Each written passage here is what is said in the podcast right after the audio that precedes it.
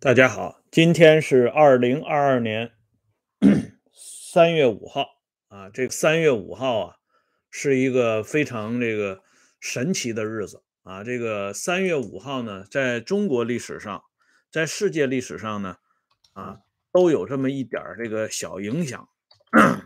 因为在中国的历史上呢，啊，咱们大家都知道的，学习雷锋的纪念日。就是一九六三年三月五号，因为这一天，毛泽东啊做出了一个重要题词，向雷锋同志学习，并且在人民日报上发表。周恩来和江青这两个人啊，他们的生日也都是三月五号。哎，那么在世界历史上呢，布尔什维克的祖宗之一斯大林。啊，在一九五三年三月五号嗝屁了啊，所以这个三月五号是这个党史研究上边的一个很有意思的日子。那么在这一天呢，我们这个节目重新回到党史杂谈这个正轨上边来啊，因为中间呢间断了呃八期，这八期虽然也讲的是党史，但是是苏联和东欧的党史。现在呢，我们还回到我们原来的轨道上。今天我们重点来讲一下胡乔木的事情。为什么要不厌其烦的讲胡乔木？这就是我们这个三总长这个坑里边必须要经过的一个沟沟坎坎哎，因为就是要向大家展示一个近乎于全景式的啊画面。为什么像胡乔木、邓丽群这样的害群之马会毫无顾忌的张牙舞爪的？在上个世纪八十年代的政治舞台上表演的淋漓尽致，而像胡耀邦、杨勇这样几乎可以说是毫无瑕疵的人，却屡遭这个啊暗算，屡经风险。这种强烈的对比，或许从另一个角度让我们了解一下上个世纪八十年代那场所谓的轰轰烈烈的改革运动。它背后蕴藏的最深刻的政治含义是什么？所以这个胡乔木这个人必须要讲。上一期啊，七百三十六期的党史杂谈上留下了一个小悬念，那就是毛呢下令对胡乔木进行软禁，软禁后的胡乔木又经历了哪些事情？那么今天我们把这个坑给填上。毛泽东下令软禁胡乔木，但是晚年的胡乔木在跟这个外国人谈话的时候却谈笑风色风生。他认为啊，毛泽东虽然对他进行这样的处理，但实际上却是一种保护啊，因为毕竟呢没有把他下放，毕竟呢没有把他拉出去示众。哎，这个就是咱们中国传统知识分子。这个脑海里边最根深蒂固的一个，时时刻刻不忘了从各个角度来歌颂主公的知遇之恩。明明啊，毛泽东已经把他打入冷宫，他呢却能够仍然很快的调整自己的心态，认为主公不论做什么都是对他好。所谓雷霆雨露，莫非皇恩。因此呢，后来李瑞老人曾经评价过胡乔木，说乔木这个人，一日无君则惶惶然，啊，说一天不给皇上磕头，啊，那心里头就已经是六神无主了。其实不光是胡乔木，只要心中有皇上，哪里都是大清朝。抱着这种心态的人，可谓是比比皆是。呃，而且不光是咱们中国人啊，这个时候呢，胡乔木写过一首诗啊，这首诗写的非常有意思，我给大家啊发到这个直播间里，大家可以看一下。这首诗呢是胡乔木的代表作，但却呃不经常被大家所念及。这首诗的前四句歌颂伟大领袖。波浪在奔涌，海没有倦时；生命在代谢，武没有断时。啊，谁是大海啊？就是主席呀。毛泽东啊，大海波涛澎湃，革命的人永远年轻，就是一直在折腾别人，哎，所以他没有疲倦的时候。生命在代谢，武没有断时，指的是革命的进程。毛泽东不讲过吗？吐故纳新嘛，新陈代谢。哎，这场舞呢，这场运动一直在不停歇的往前冲。后边四句呢？实际上是表达了胡乔木对老大的这种眷啊拳权之心呢。哎，纵然海知道天会有暗时，希望告诉心云必有散时。哎，就说老大对我呢，现在这个态度不会是一直这样的。我很有信心，期待有一天老大啊还会把我找到身边去。哎。这就是胡乔木最真实的写照。果然呢，这个期许啊没有白期许。毛泽东到一九七三年年底、一九七四年的时候，居然想起来胡乔木了。因为这个时候呢，有相当一部分老干部陆陆续续给解放出来了。啊，为什么要解放出来？因为林彪事件发生了嘛。毛泽东毕竟要做一点让步。再有一个呢，党的第十次全国代表大会要召开了，啊，因为林彪事件呢，清洗了一批中央委员和候补中央委员，因此啊，就要拿一批啊这个人呢进来充数，总要搞出一个啊给大家感觉很合法的状态出现，哎，所以一些老家伙们们陆陆续续给放了出来，胡乔木自然也不例外，当然。没有让胡乔木重新进入到中央委员会。毛泽东给汪东兴下了一个命令，让汪东兴限期破案，因为毛泽东最清楚啊，谁对胡乔木不满意，哎，那就是汪东兴汪主任。这老大这个人啊，邓小平当年说的那句话是值得重温的。就说把一个人整到什么程度，这个老大心中是有数的，啊，是要把他彻底搞掉，还是搞得他七荤八素？啊，这一点上，毛泽东的这个尺度拿捏的是非常准确的。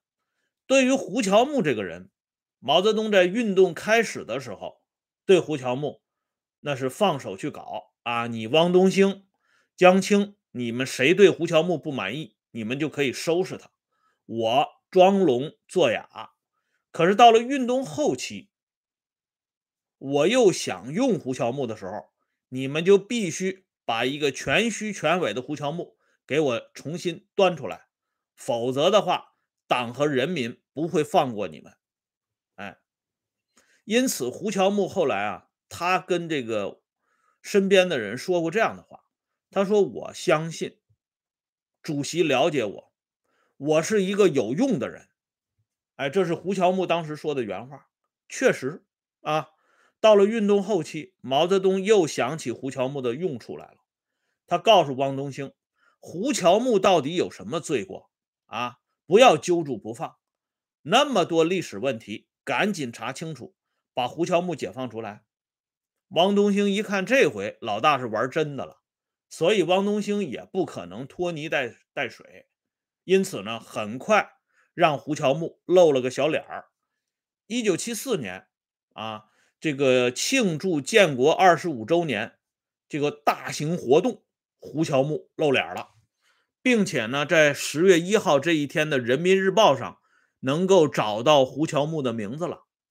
在那个年代啊，《人民日报》上有你的名字，就说明。你这个人还活着啊，否则的话那就完了啊！就像今天在这个大型的社交平台上，如果你经常不露脸这个人基本上就废了啊。这胡乔木露脸之后啊，虽然露脸了，可是呢，他没有工作。嗯，这个时候多亏了邓小平，让胡乔木重新起飞，咸鱼翻身。因为邓小平在一九七四年呢也站了出来，哎，并且在一九七四年年底开始呢，逐渐勇挑重担。到了一九七五年，全面整顿已经开始铺开了。一月六号，一九七五年一月六号，邓小平找胡乔木谈话，哎，希望胡乔木担任国务院顾问。而这个职务呢，虽然是个虚衔儿，可是比之前一直坐冷板凳那强了若干倍了。胡乔木是欣喜若狂啊！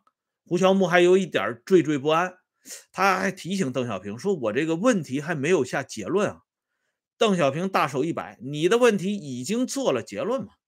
哎，不用担心，你一个啊，吴冷西一个，胡绳一个啊，你们几个人搞一个班子。”就像我们当年啊，就像邓小平和康生他们当年在钓鱼台搞的那个写作班子一样，那个时候呢是抗击苏修，你们这时候搞一个班子，为我们的整顿吹喇叭，这胡乔木特别高兴。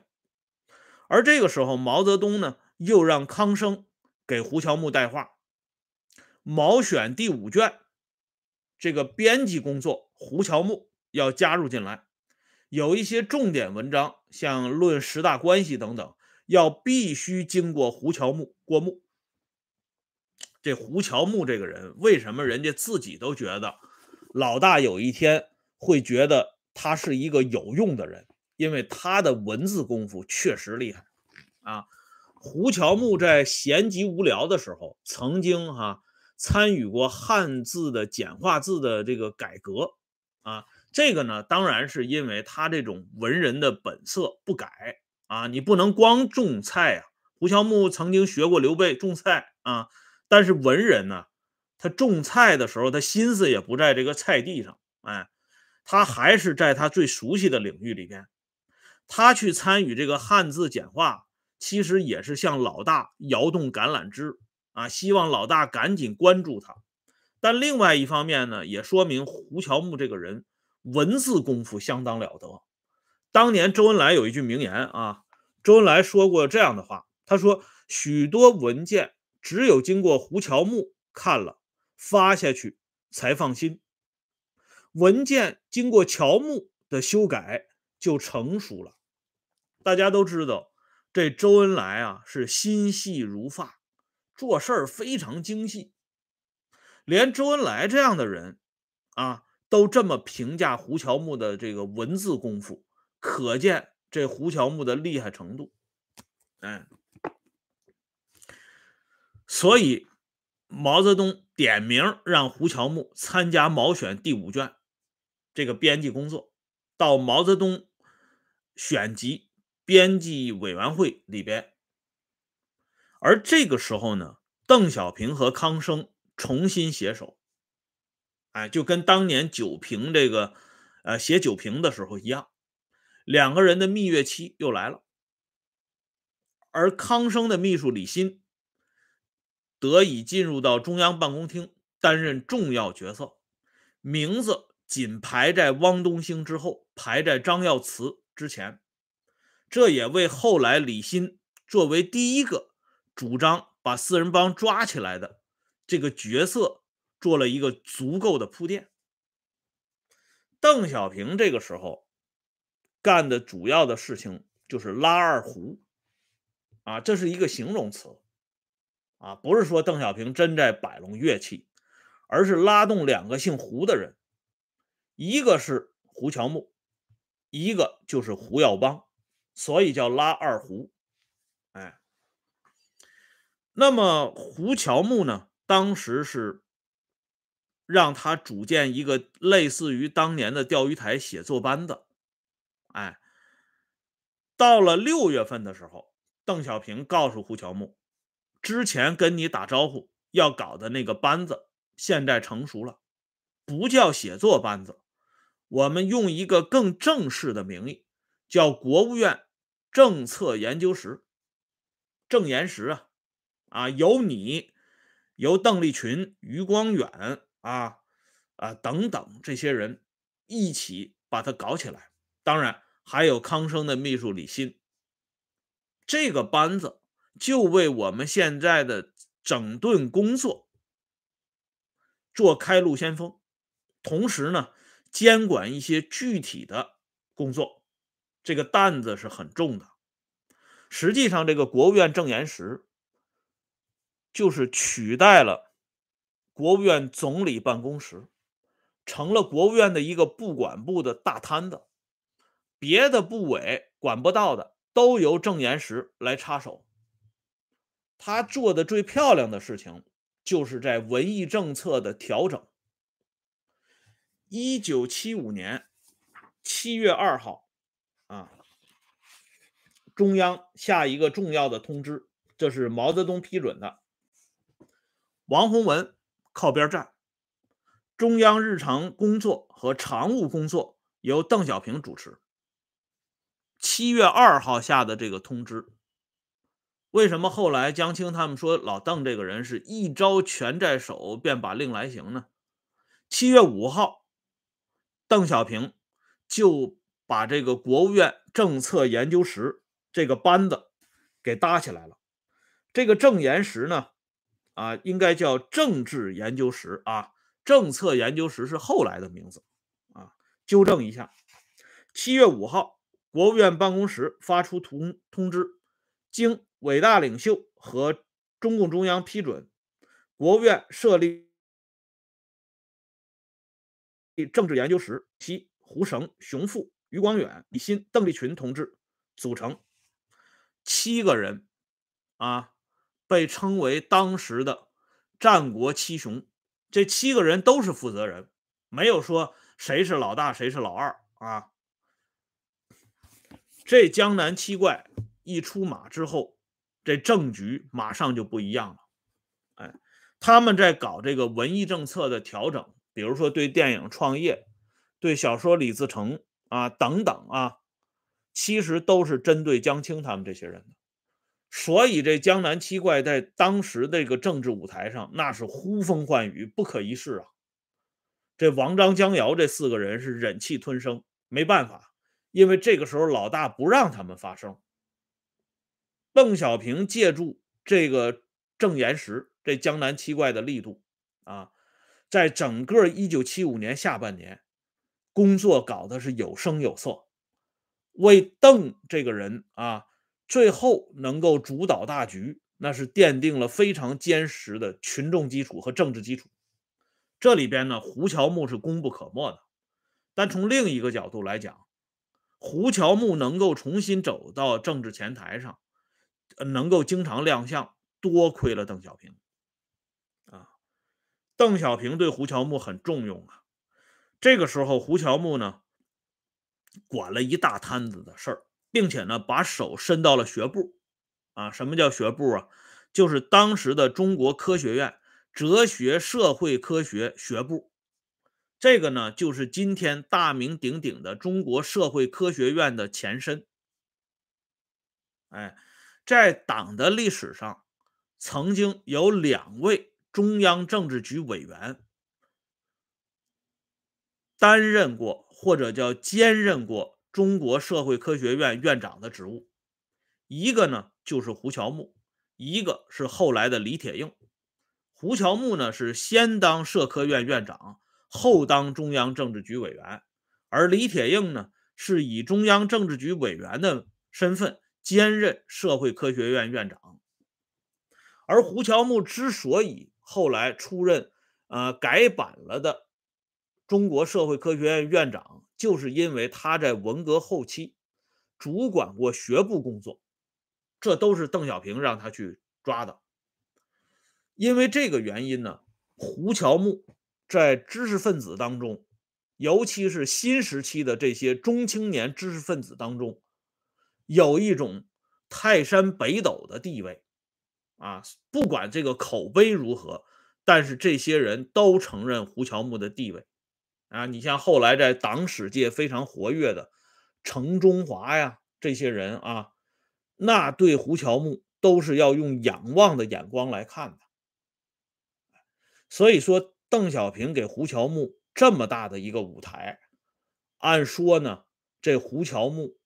对邓小平至少应该投桃报李，可是胡乔木呢却恩将仇报，在接下来揭发啊批判邓小平过程当中，胡乔木扮演了一个极不光彩的角色。一九七五年十一月份，这风云突变的啊，反击右倾翻案风已经开始悄悄的紧锣密鼓的准备了。啊，毛远新这些人已经在老大面前放出风来了。邓小平要当还乡团的团长了，啊，要对咱们这场大革命进行政治清算了。老大对邓小平的观察也告一段落，认为老邓永不翻案，靠不住。啊，他时时刻刻都想翻案。由于老大有了这种态度。这个政治风向为之一变，要求揭发邓小平。那么从哪里入手呢？就从这个国务院政治研究室入手。哎，而这个时候呢，胡乔木啊，做的是非常的到位啊，配合的是非常的到位啊。胡乔木呢？在揭发邓小平过程当中，他是做过三次重点揭发。这三次重点揭发，那是一次比一次厉害。哎，这个内容呢，一次比一次邪乎。对邓小平的冲呃这个称呼呢，是一次比一次啊直白。原来还叫这个邓小平。后来就改口，管邓小平叫最大的走资派。哎，